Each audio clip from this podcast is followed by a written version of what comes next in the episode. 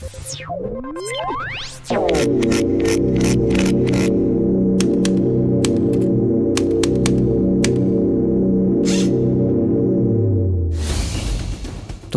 v zadnji letošnji epizodi podcasta na Počrto. Danes z vami ne potaje, ampak novinar Nenad Kučič in pa odgovorni urednik na Počrto Anže Voh Poštic. Za konec letošnjega leta smo izbrali področje, kjer informacijska tehnologija sreča nepremičninski trg. In sicer platformo za izmenjevanje in posredovanje namestitev, sob, hiš, stanovanj in drugih nepremičnin Airbnb. Ta platforma je postala v zadnjih nekaj letih skoraj nekakšen dežurni krivec za vse, kar je narobe na nepremičninskem trgu. Študenti so nam poročali, da so jih eh, lastniki metali iz stanovanj, ker so se odločili prostor raje ponuditi turistom in zaslužiti več denarja.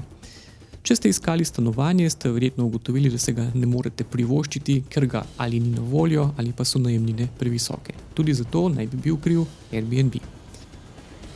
Če ste v dvigalih ali skupnih prostorih, stolpic in blokov srečevali neznance s potovalkami ali videvali neznane avtomobile s tujimi registrskimi tablicami na parkirišču, je bila velika verjetnost, da so vaši sosedje oddajali stanovanje preko Airbnb, pogosto na črno.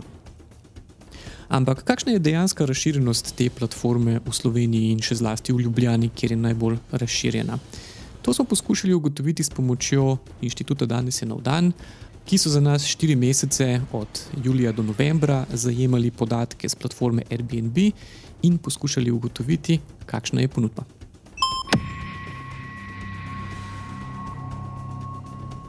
Ko smo analizirali pridobljene podatke, smo poskušali odgovoriti na dve glavni vprašanji. Prvič, ali gre pri Airbnb-u za recimo, delitveno ekonomijo ali ekonomijo skupne rabe, ali pa je to prvotno idejo že nadomestil nepremičninski posel, skratka, profesionalna dejavnost za oddajanje in posredovanje stanovanj. V naslednjem koraku pa nas je zanimalo, kakšen je dejanski vpliv Airbnb-a na manjšo dostopnost stanovanj in više najemnine. V pogovoru se mi bo zdaj pridružil odgovorni urednik pod črto Anže Vopoštic. Ta podcast raziskava Airbnb-a in vse druge vsebine, ki jih lahko preberete na počrtu.si, pa ne bi bile mogoče brez vaše podpore in donacij. In ker smo ravno sredi kampanje, se vam zahvaljujemo za vse vaše prispevke in vas pač pozivamo, da donirate in podprete naše delo, zato ker so prav vaši prispevki in pomoč najboljše zagotovilo, da bomo še naprej ostali čim bolj neodvisni. Torej, tema današnjega tedna je bila Airbnb v Ljubljani. Ja, to je ena taka tema, o kateri se ogromno govori v zadnjih časih. Sploh recimo zdaj, ko se je končala turistična sezona in so začeli študenti iskati nova stanovanja smo kar veliko enih takih anegdot spravili, kaj se vse dogaja, v smislu, da ne dobijo stanovanj, da če so še. Pomladi, ko bili v skoraj centru, pa bili so fakultete, zelo kar naenkrat morajo tam čisto ene odročne ljubljanske sosedske, da sploh dobijo kakršno koli ponudbo, ki se lahko prvošijo.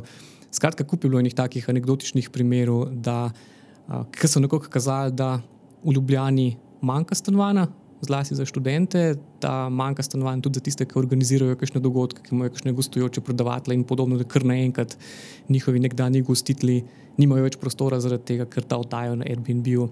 In pa tudi, recimo, sogovorniki iz nepremičninskih agencij so isto rekli: ja, cene so šle v nebo, ker naenkrat nič več ne dobiš, kar je bilo včasih.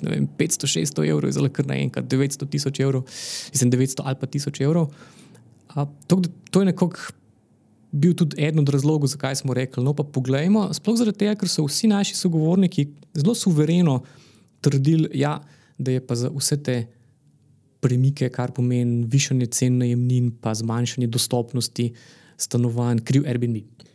Ja, se tukaj je v bistvu neka, nek dualizem pri opredelitvi, kaj Airbnb sploh je, če prav razumem, oziroma efekti Airbnb. -a. Po eni strani je Airbnb, kot si rekel, nek dežurni krivec za vse te gobe Ko na se zdi, ja. nepremičninskem trgu. Nekdo, ki išče stanovanje in gotovi, da so najemnine v zadnjih par letih zelo poskočile. Ja, verjetno je kriv Airbnb. Airbnb. Ne, ker, Če ga ven mečejo iz stanovanja, Ja. zihar bo na Airbnb. Ja, potem, ja, pomankanje stanovanj, ne, doskrat se poudarja, to ne bi bil efekt Airbnb-ja, ker so ta stanovanja zdaj namenjena za turiste, ne, ne me za nas, ne, ki delamo v Ljubljani, študiramo v Ljubljani. Tako, in ker so In- tudi tisti pripravljeni veliko več plačati na dan, kot pa mi, recimo, ne vem. Tudi taka logika je, ja, od študenta dobim 400 evrov, če pa dam v turistični najem, pa dobim 50 evrov na dan, kar je 1500 na mesec. Ja, po drugi strani, ne, druga plat tega kovanca, tega, tega dualističnega dojemanja Airbnb- Airbnb-ja je pa bila, da ne bi bil Airbnb neka, nek izum tako imenovane delitvene ekonomije, kjer ti v bistvu omogoča, da če živiš v ne vem, malo večji hiši, imaš prosto sobo, da lahko v bistvu to sobo ponudiš turistu, turistom in s tem nekako omogočiš njim poceni bivanje v Ljubljani, na Bledu, na obali, po drugi strani pa še ti malo zasluži, zaslužiš, lažje skrbi za to hišo, preživiš čez mesec. To je bil ta nek idealni koncept, kaj ne bi. Airbnb sploh bil, čeprav razumem, torej sami plusi, plusi za lastnike stanovanj, plusi za turiste, plusi za mesta, ker bo več nastanitev za turiste in bodo več zapravljali in bo bolje za vse, ker bo se več davkov nateklo v državno blagajno in kaj to, za ja. več delovnih mest, kaj še vem, kaj še vse. In zdaj mi smo želeli ugotoviti, kaj izmed tega drži za Slovenijo, konkretno za Ljubljano, ki je največji trg za Airbnb po mestih v Sloveniji. Tako, zdaj, tukaj smo izhajali iz par teh, kot se reče, hipotez, ker eh, Airbnb izhaja iz tega gibanja kavčanja. To je bila ta osnovna ideja, ne take souporabe v smislu, zakaj pa jaz ne bi nekomu omogočil, da pri meni prespi ali pa še zmeraj veliko slišimo to primerjavo. Recimo, da jaz rad potujem, pa grem za tri tedne v Azijo, recimo, pa nočem, da je ta čas moj stanovanje prazen, pa omogočim meni družini, ne vem, iz Španije, ki bi pa hotela priti v Ljubljano, da lahko za bistveno nižji ceno, kot je hotel, pri meni pač biva tri mesece, jaz pa dobim za to recimo tekoče stroške. pa vse. In uh, zanimivo je to, da od samega začetka je ta ideja tudi šla in tudi če gledamo podobne študije za druga evropska mesta, ne vem, Pariz, Amsterdam, jaz sem prav, New York, Los Angeles, Berlin in podobne, je v glavnem Airbnb prišel v mesto skozi ta vrata ekonomije souporabe ali pa delitve. V smislu, kaj je pa narobe s tem, da individualni lastniki stanovanj si mečken izboljšajo prihodke, pa hkrati omogočajo pač boljši iz- izkoristek teh nepremičnin in pa seveda tudi izboljšajo to turistično ponudbo, pa namestitve. Recimo, sploh mesta so imela, recimo Ljubljana in tak lep primer, ki je imela vse od začetka premalo namestitev in je tudi mesto zelo prav prišlo, da so lahko poleg hotelov in hostlov turisti bivali tudi pri Ljubljančanih. No, ampak ključna v bistvu zdaj je vprašanje, da sploh se lahko pogovarjamo o tem, ali ima Airbnb pozitivne ali negativne učinke na družbo, na mesto, mm Mhm. -hmm. je v tem, da ugotovimo, če to, kar si ti zdaj povedal, še kar velja. To. Torej, če je večina, recimo. Stanovanj, sob, ki so na voljo, dejansko, če se oddajo po tem principu, da ima nekdo mm. -hmm. prosto sobo in v bistvu si Jo želi deli. malo izboljšati svoj položaj in, in še komu omogočiti, da pride na obisk na počitnice v Ljubljano, ali je pa to zdaj se že. eh, Kako bi rekel, eh, Izrodilo? Ja, izrodilo, sprevrglo, ne vem, če bi tako ostre besede uh, uporabil, ampak eh, migriralo morda v, Ja, v drugega. ja, v, v ta platformni kapitalizem, kjer nekdo neko prazno stanovanje, namesto da bi ga oddajal študentom, delavcem, oddaja turistom na Airbnb. Kot Torej- profitno dejavnost. Ja, torej, kje smo zdaj, na kateri Ja, to točki je, smo zdaj, kar drži, prvo ali drugo. Ja, spet prej omenjene študije so na prvi točki ugotovile, da to ne drži več. Da pač na mesto te ekonomije delitve, ki naj bi dejansko prinesla eno tako boljšo izrabo dobrin, kakršne je nepremičnina, od katerega bi načeloma vsi imeli več. Se je zgodil klasičen paradoks tega platformnega kapitalizma, ki ga številni kritiki, recimo vse podobno je Airbnb, pa tudi na internetu je to znano, se je zgodil nekaj čist drugega in to je, da se je na mestu te širše delitve zgodila huda koncentracija uh, in se je še povečala ena taka recimo, neenakost med tistimi, ki lahko na tej platformi zelo profitirajo, in pa tistim, ki pač skrbijo za tako maso, pa za to, da platforma živi, ampak v resnici pa nimajo od tega kaj dost. No, in v Ljubljani smo nekoga gledali dva taka dejavnika, ali je to res ekonomija delitve, ali je to nekaj drugega, oziroma samo ena taka drugačna oblika turistične dejavnosti. In smo pač najdel v preiskavi tako dva taka ključna podatka, ki nam data misliti, da stvar ni čista kot smo se od začetka menili. In to je, da smo delali zajeme, smo ugotovili, da je od recimo, vsega skupaj 1600.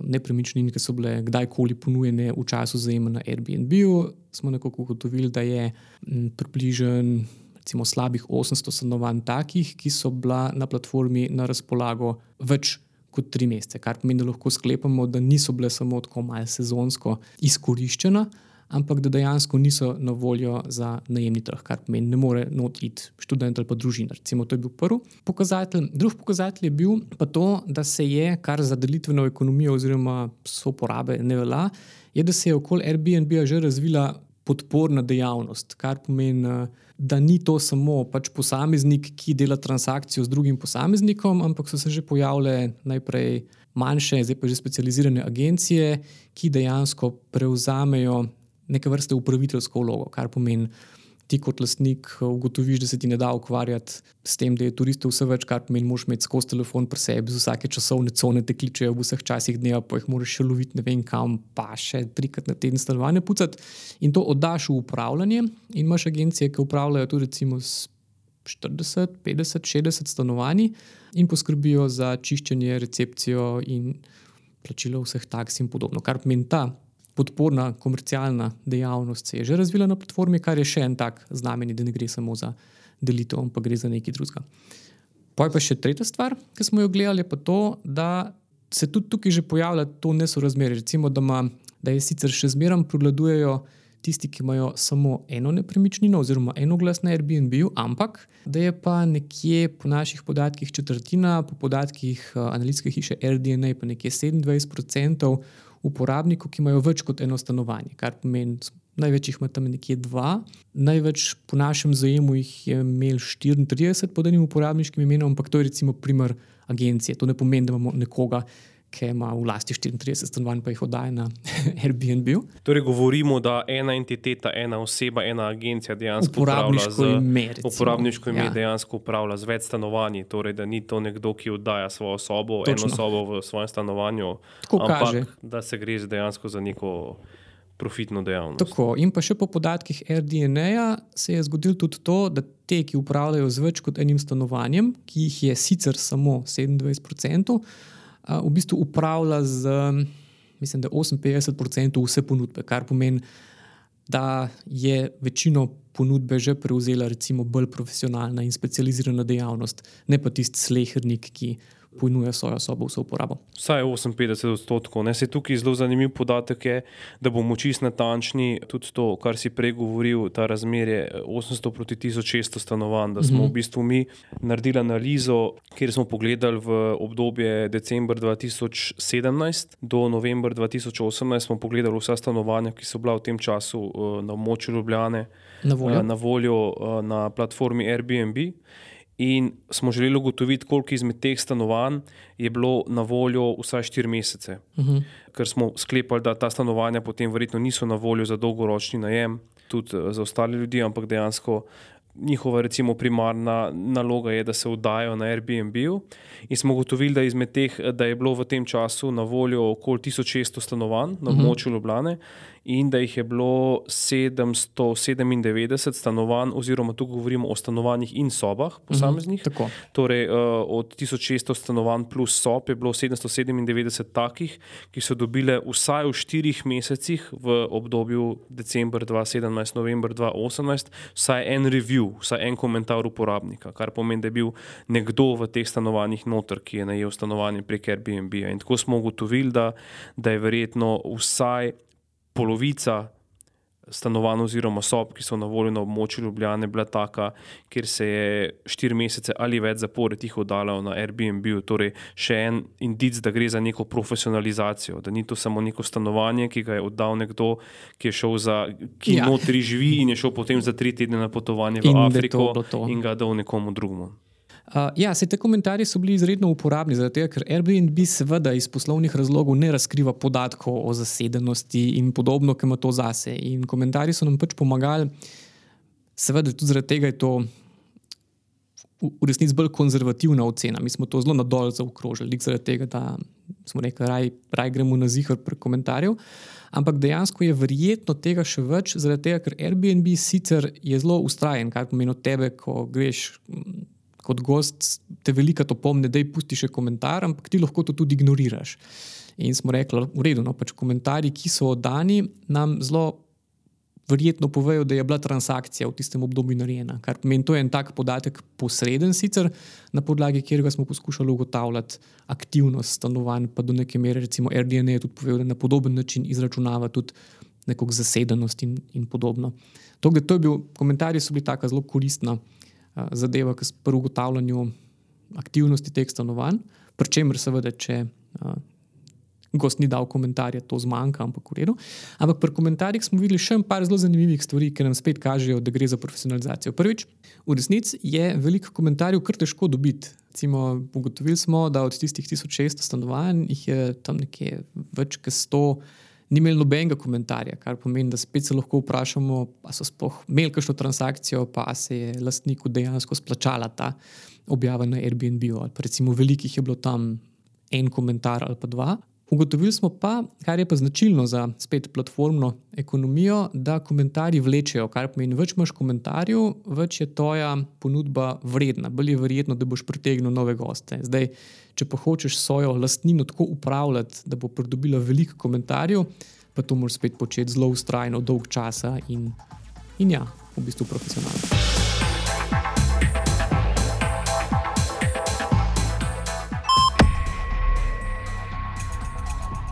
In v bistvu zdaj na podlagi teh podatkov lahko potegnemo prvi zaključek, ne, da več kot pol stanovanj, oziroma sob, večina sob, oziroma večina, ja. stanovanj ja. na Airbnb, ki so na voljo za Ljubljano, najverjetneje ni delitvena ekonomija, ampak je platformni kapitalizem, da temu tako rečemo. Tako, pa smo pa tukaj dodali še eno rečemo, dodatno varovalko in to je, da smo s tem hipotetičnim primerom, da jaz grem na počitnice v Azijo za tri tedne smo pa v bistvu povprašali za komentar vse pristojne inštitucije, ki so pristojne za razlago hm, nepremičninskih zakonov. Ja, zanima, zanima nas je, če je to legalno. Zanima nas je, če je to legalno. Ker, če hočeš ti oddajati stanovanje, sabo karkoli, se moraš registrirati ali kot ali samostojni podjetnik, mm -hmm. kot stanodajalec, karkoli.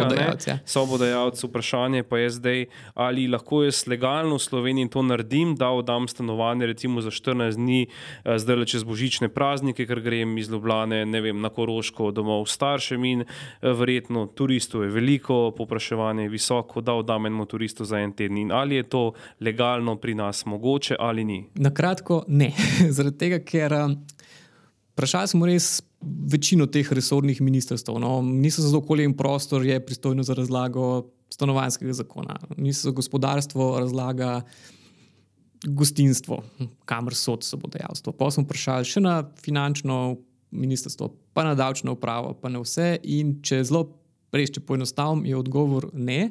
Zato, ker v Sloveniji dejansko imaš samo to možnost, da se za kakršen koli najem moraš registrirati. Kar pomeni, čeprav, ampak od samega začetka je pa bilo glih tukaj največ te pravne nedorečenosti, kjer je saj zgodni Airbnb pa prosperiral. Zakaj?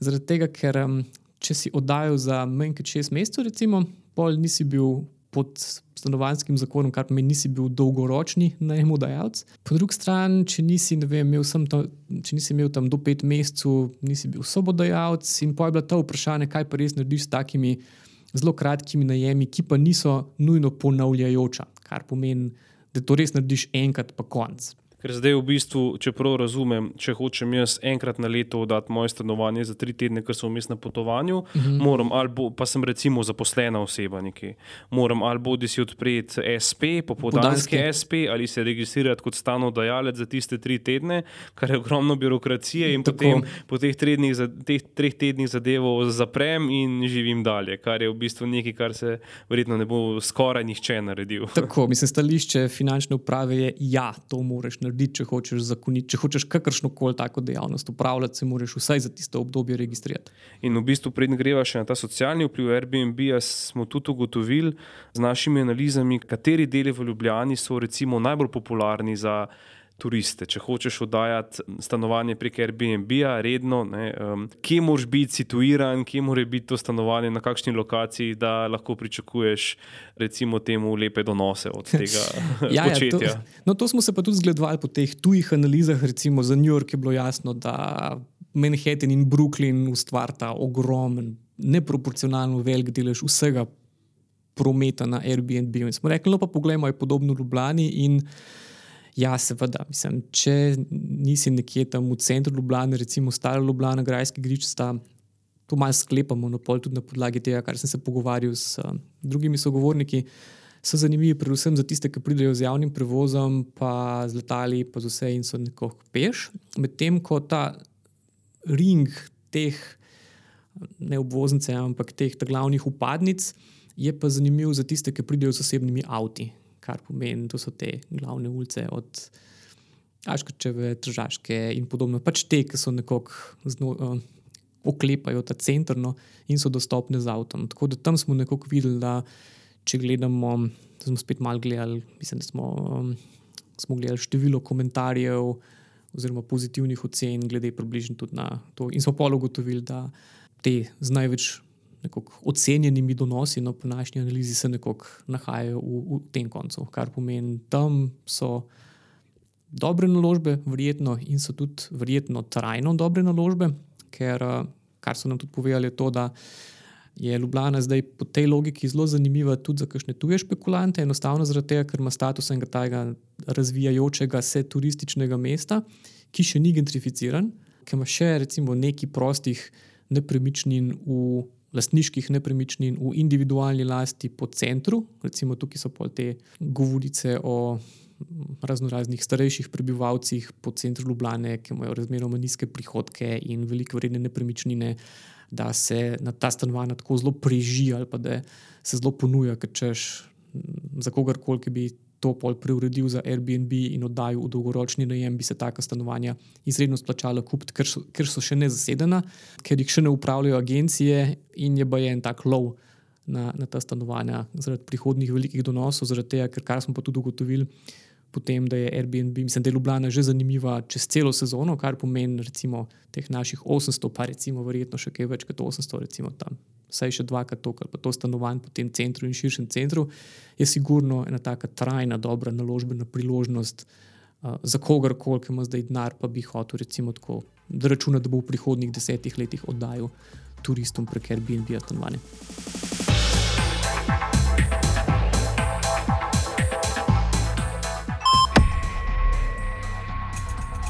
Ja, čeprav, kot si rekel, ne, zanimivo je to, da tudi če imaš recimo stanovanje pri Kinu Šiška, pri BTC-ju, če imaš nekako zagotovljeno parkirišče, je to zanimivo za, lahko, za, za recimo oddajanje turistom. Ni nujno, da, da moraš biti uh, dejansko na tromostoju. Tako, tako. Zdaj pa še um, tista, kako bi rekel, glavno naše vprašanje ne, in tudi teže zagotoviti, ja, kakšen kakšen vpliv ima Airbnb dejansko na mesto, na prebivalce, na tiste, ki najemajo stanovanja. Torej, ugotovili smo, da, da to ni več delitvena ekonomija, da v mhm. bistvu uh, ta stanovanja že lahko ne, uh, so take vrste, da, da bi lahko bila na voljo dolgo, za dolgotrajni najem, ampak so na mesto tega na Airbnb za turiste. Zdaj pa vprašanje, ok. A lahko potem na podlagi tega rečemo, da, da je Airbnb lahko kriv za zviševanje najemnin, za pomankanje stanovanj v Ljubljani, za vse te, te bolj kot ne anekdotne pritožbe, ki jih slišimo od ljudi, ki si trenutno zelo prizadevajo najti neko uh, stanovanje v Ljubljani za, najem, uh, za najemnino, ki si jo lahko privoščijo.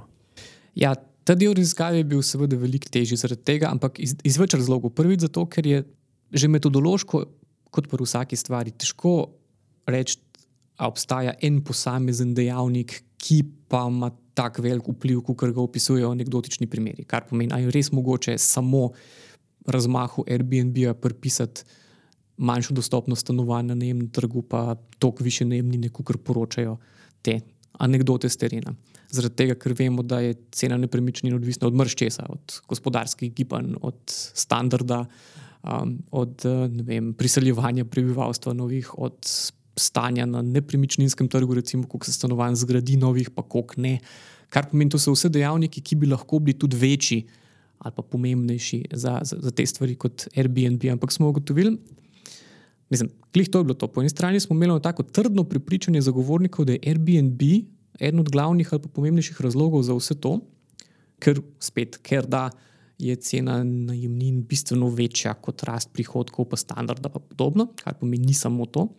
Ampak po drugi strani pa tega nismo mogli preveriti s tako rekoč nobenimi merodajnimi uradnimi podatki. Zaradi tega, ker, sem prej rekel, država nekako jo je Airbnb zanimalo res izključno zaradi nepobranih davkov. Eh, turističnih taks. Kar pomeni, državi je bilo v interesu samo to, da se zmanjša črn najem in da pobere več davka, in da recimo prisili tiste, ki so oddajali črn, da se registrirajo in plačajo vse prispevke. Ni se, ni se pa ukvarjala s tem, ali bi dejansko lahko imel Airbnb negativen učinek na to, da se višajo najemnine, zato recimo študenti ne morejo več živeti v Ljubljani, Tako.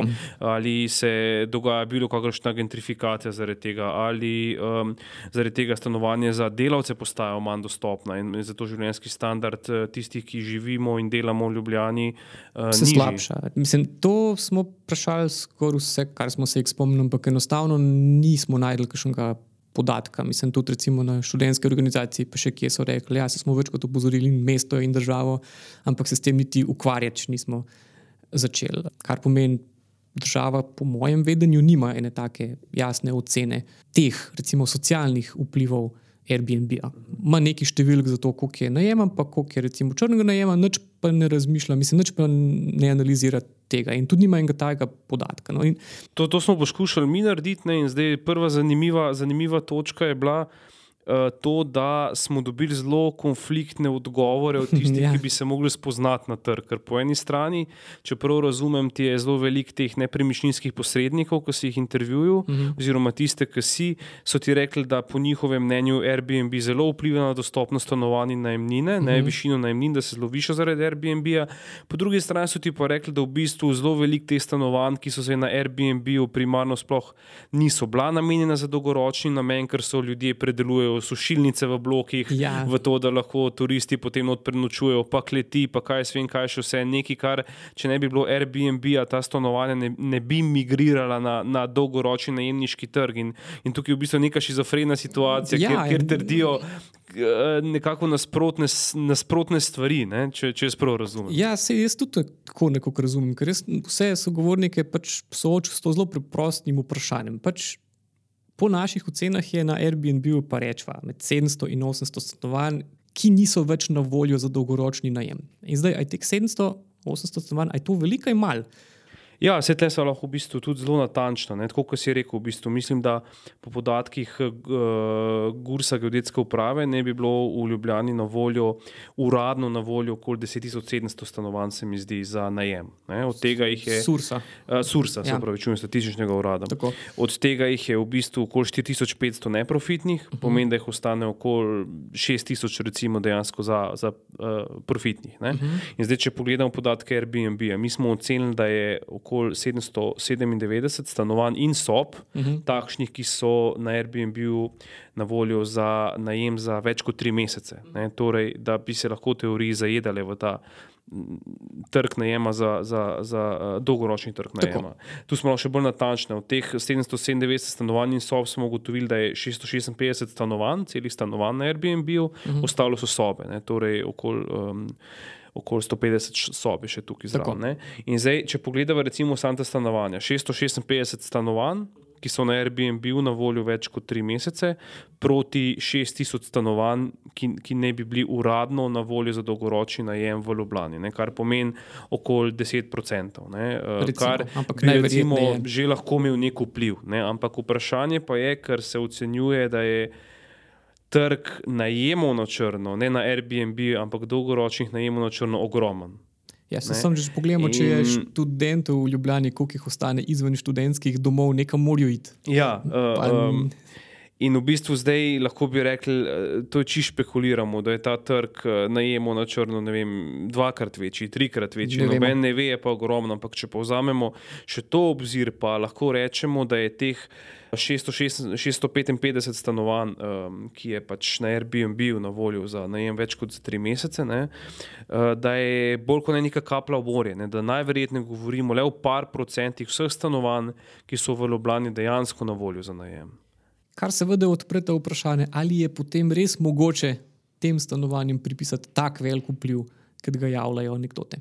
Čeprav potem pa je tu še en dodaten dejavnik, ne, na katerega eh, si tudi naletel, to je pa ta uh mhm. -huh. tako imenovana zlata mrzlica. Da nek vpliv ja. bi lahko bil, ker zdaj določeni lastniki stanovanj pričakujejo, da če bodo dali to stanovanje na Airbnb, da bodo dobili zelo lepe zaslužke. In zato morda tudi uh, višjo najemnine nekim dolgoročnim najemnikom. No, se to smo se pa tudi, um, sem dobil en tak namig, lihto, kot eni od njurških študij ki so ugotavljali nekaj podobnega kot mi, ki so tudi prešteli, so rekli, da ja, v New Yorku je na pamet zelo malo govorim, čeprav se to ne sme prnesti, ampak vse. Je nekje 3 milijone stanovanj na Airbnb, ki smo jih potem nekje našteli, kot takih glavnih, je pa včasih v vzorcu sem nekje recimo 8 od 10 do 10 tisoč stanovanj, ampak so ugotovili, da so ta stanovanja in so jih še pol tako nekako poimenovali stanovanja z velikim učinkom, vem, high impact properties, dejansko sposobna biti kot cel trg za trest. Prav za par procentov dvigniti najemnine, čeprav je bil procentualno to izredno mečken delež. In uh, eden od razlogov, ki so ga res izpostavili ti naši sogovorniki, je ta zlata mrzlica, ali pa ne tako samo izpolnjujoča se prerogba. Da so nekako zaokrožili, glede zaradi tega, ker se vsi ukvarjamo s tem Airbnb-om, ali z njim strašimo, ali se z njim hvalimo, ampak nekako se je ustvarila ideja, da je mogoče na Airbnb-u zelo veliko zaslužiti, pa veliko takih legend na okolju krožkov, ki jih kdo zasluži, pa vse, in da je to pol nekako spodbudil ta, jaz bi pa tudi to probo. In da se je pol začel, da so tudi tisti, ki drugače niso imeli tega najema, začeli. To pa polk, prijemajo teh anegdot, študente ven metati, pa jim reči, ja, zdaj pa vi pejte ven, pa mi je to probo. V resnici pojma nimamo, koliko so zaslužili, ali pa po izračunih, ki smo jih naredili v članku, verjetno tudi niso jih tako strašno zaslužili. So lahko solidni zaslužki, ampak tako, spet, če se s tem ukvarjaš kot dolgoročni najem, ni pa da bi s tem jih ogromno zaslužil, ali pa ne vem, slabo zasedenostjo boš zaslužil celo manj, kot če bi imel cajt noter kjerkoli rednega plačnika. Ampak da se je začel pač trg tako obnašati, da vsi, da toliko ljudi verjame, da je to res, se obnašajo, da je to res, praksa je pa taka, da se pač študenti in družine ven meče z dolgoročnega najema. Ampak to so spet posredni kazalci, ki kažejo na to. Ampak zdaj, da potegnemo črto, ne, se lahko strinjamo, da Airbnb, glede na naše ugotovitve, najverjetneje ni edini in glavni krivec za to, da najmnine v Ljubljani dejansko rastejo, najmnine za stanovanja, da je ponudbe vse manj, da je vedno teže najti stanovanje za najem. Mhm. Lahko pa bi bil nek dejavnik, ki vpliva na to v negativnem smislu. Ja, jaz si predstavljam, da je tako, kot v primeru še kakšne druge podobne platforme v drugih mestih, ali to Airbnb ali to recimo Uber na področju prevozov ali pa, ali pa podobni. Da nekako kažejo, da so to velike simptomi, kar pomeni, če ena taka platforma pride na nereguliran trg, pa začne povzročati nesorazmerno večje učinke, kot bi jih povzročala, glede na njeno velikost in težo. Recimo, pač, če je mogoče če država ne zazna Airbnb-a in ne preganja sive ekonomije, je sigurno bila od začetka velika spodbuda, da so ljudje pač to probali, zaradi tega, ker so vedeli, da jih ne bo noben ujel. Recimo, teh zgodne faze Airbnb je bilo tega spet po, po pričovanjih no, tistih, ki to tudi počnejo, veliko. Kar pomeni, vem, v prvi fazi je sigurno bilo ena taka nelojalna konkurenca turistični novosti. Ker seveda država tega ni predvidela in ni sankcionirala teh zlorab. Pol v naslednjem koraku so nam pa tudi sogovorniki povedali, da je ta platforma kar naenkrat odprla nov trg v Sloveniji, kar pomeni, ti si imel prej samo klasično gostinsko dejavnost, pa dolgoročni najem. Ali je bil na črno, ali je bil legalno, niti ni tako važen. Zdaj je pa ta platforma naenkrat omogočila čisto nov trg kratkoročnega najema, ki prinaša turiste iz tega sveta, ki je zelo enostavna, ki lahko na njej vsak sodeluje in kar naenkrat ustvari čisto nov poslovni model. Tukaj pa država spet se s tem ni ukvarjala in tega ni predvidela, ni šla delati ocene, kaj se bo zgodilo, če pustimo nereguliran nov poslovni najem, uh, mislim, model kratkoročnih najemov, kaj se bo pol zgodilo. V socialnem smislu. V socialnem smislu. In uh, ugotavljamo, saj tako kažejo spet rezultati, da delno zagotovo ta platforma spodbuja tiste, ki so do zdaj oddajali dolgoročno, da vsaj premislejo ali pa pol tudi zračunajo, da se jim pa verjetno splača oddajati kratkoročno.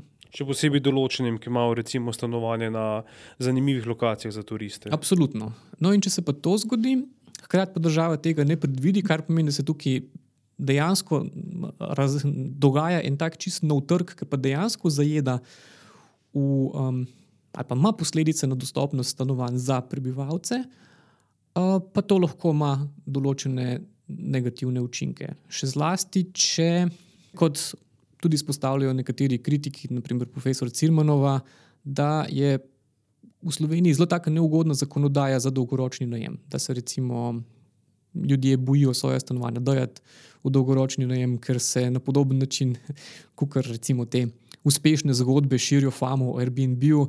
Pa take horor zgodbe o groznih najemnikih, pa neplačnikih, pa to, ki ti povzročijo ne vem, koliko škode, pa, pa grejo v osebni bankrot, ti se pa gledaj, nekako spodbujajo ljudi, da, da tega ne počnejo. In seveda Airbnb je pa tukaj privlačen zaradi tega, ker ti pač omogoča denar vnaprej. Tako da tukaj imaš spet. To je ta zgodba, zgodba ne, najemnikov, ki, jo, ki se širi, ta mit, kako je nekdo imel noter nekoga dve leti v stanovanju, ni plačal računov, ni plačal najemnine in potem je hotel deložirati in ga ni mogel, mm -hmm. in ker je sodišče ni pustilo in ne vem, kaj vse. Dobro, ampak zdaj v bistvu zelo zanimivo je pa tudi, um, česar sem se že dotaknila ob vseh naš, teh naših ugotovitvah, uh, tudi odgovori oziroma izgovori odgovornih. Zdaj, Rekli so že, da državo socialni vpliv ne zanima. Ne? Njo samo zanima, da so ljudje, ki jo dajo na Airbnb, prijavljeni, da lahko od njih pobere davke, turistično takso, še celo zavira zakonodajno uh, način oddaje, ki je bil najprej uh, mišljen prek Airbnb-a, torej da ti vda stanovanje za par tednov, ko greš na potovanje, ne? kar bi dejansko lahko imelo neke pozitivne učinke za vse. Uh -huh. uh, zanimiv pa je tukaj odgovor uh, Ljubljanske občine, ki pa tudi Airbnb vidi izključno kot dodatno ponudbo za turiste in kot nekaj, torej nekaj pozitivnega za mesto, sploh se pa ne ukvarja z morebitnimi socialnimi učinki Airbnb. Ja, tako lahko sklepamo iz odgovorov. Pač za, za Ljubljano je Airbnb pozitiven pojav v prvi fazi, zato ker jim je malo rešil problem premajhnih kapacitet od začetka. V hotelih. V hotelih, pa zaradi tega, ker je. Uh, recimo, kar je sploh ob kakšnih večjih dogodkih, bila huda kriza. Recimo, če si hotel v Ljubljani kakšno stvar organizirati, si mogel že pri manjši konferenci, tam v treh, štirih hotelih, nekako napraskati sobe, če si hotel neki imeti ljudi. To, to je bil problem v Ljubljani, sigurno velik. Sploh polk se je seveda z razmahom konferenčnega pa, um, pač turizma množičnega skozi Balkazu.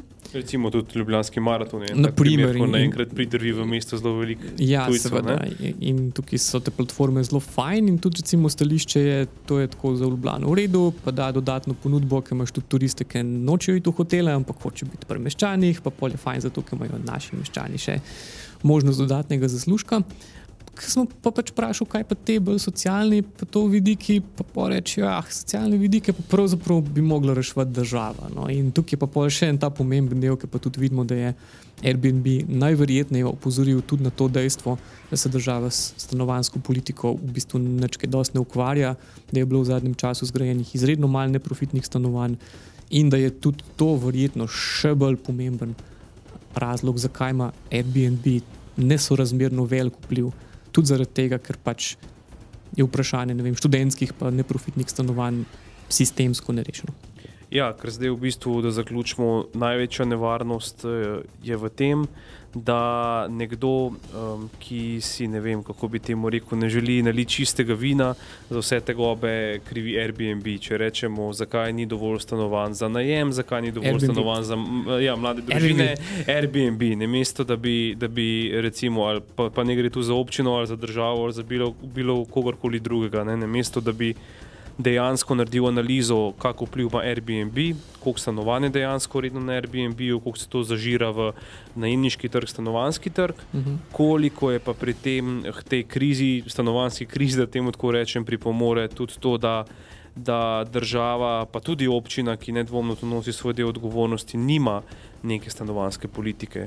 Kako zagotoviti dovolj neprofitnih stanovanj za prosilce, kako zagotoviti mhm. dovolj stanovanj za mlade družine, ugodne najeme, vse, kar spada tukaj zraven. Torej, Financiranje treb, javnih ja. stanovanjskih skladov, pa, pa, pa vse te problematike, ki so verjetno večje kot Airbnb. Kot Mislim, seveda, vem, če bi rekel kaj je najboljše zdravilo za vem, bolezni oziroma simptome, ki jih povzroča Airbnb. Ja, ne vem, 5000 novih stanovanj v Ljubljani bi mrzke rešili. Ja, ki, ne bo, ki ne bodo luksuzna. Ne? ki ne bojo luksuzna. Človek ima občutek, da se sam še ta gradijo. Ja, tudi, po podatkih, tako, tudi po podatkih, ki, ki se jih tudi ugotovili, poročila, da, da se točno to dogaja, da so take.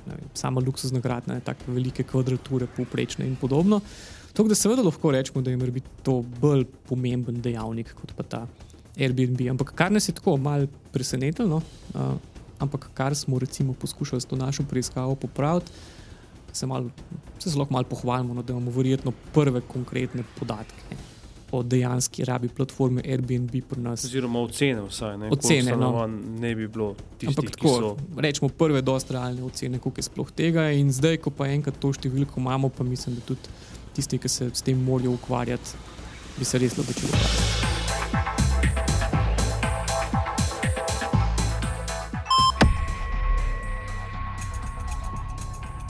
Poslušali ste zadnjo letošnjo epizodo podcasta na Počrto. Želimo vam zelo prijetne praznike. Zahvaljujemo se za vse oddane in prihodne prispevke v naši kampanji, s katero lahko podprete naše delo. Naše druge vsebine in druge pogovore lahko najdete na podcrto.si. V prihodnem letu pa prihajajo nove epizode in nove zgodbe. Na poslušanje.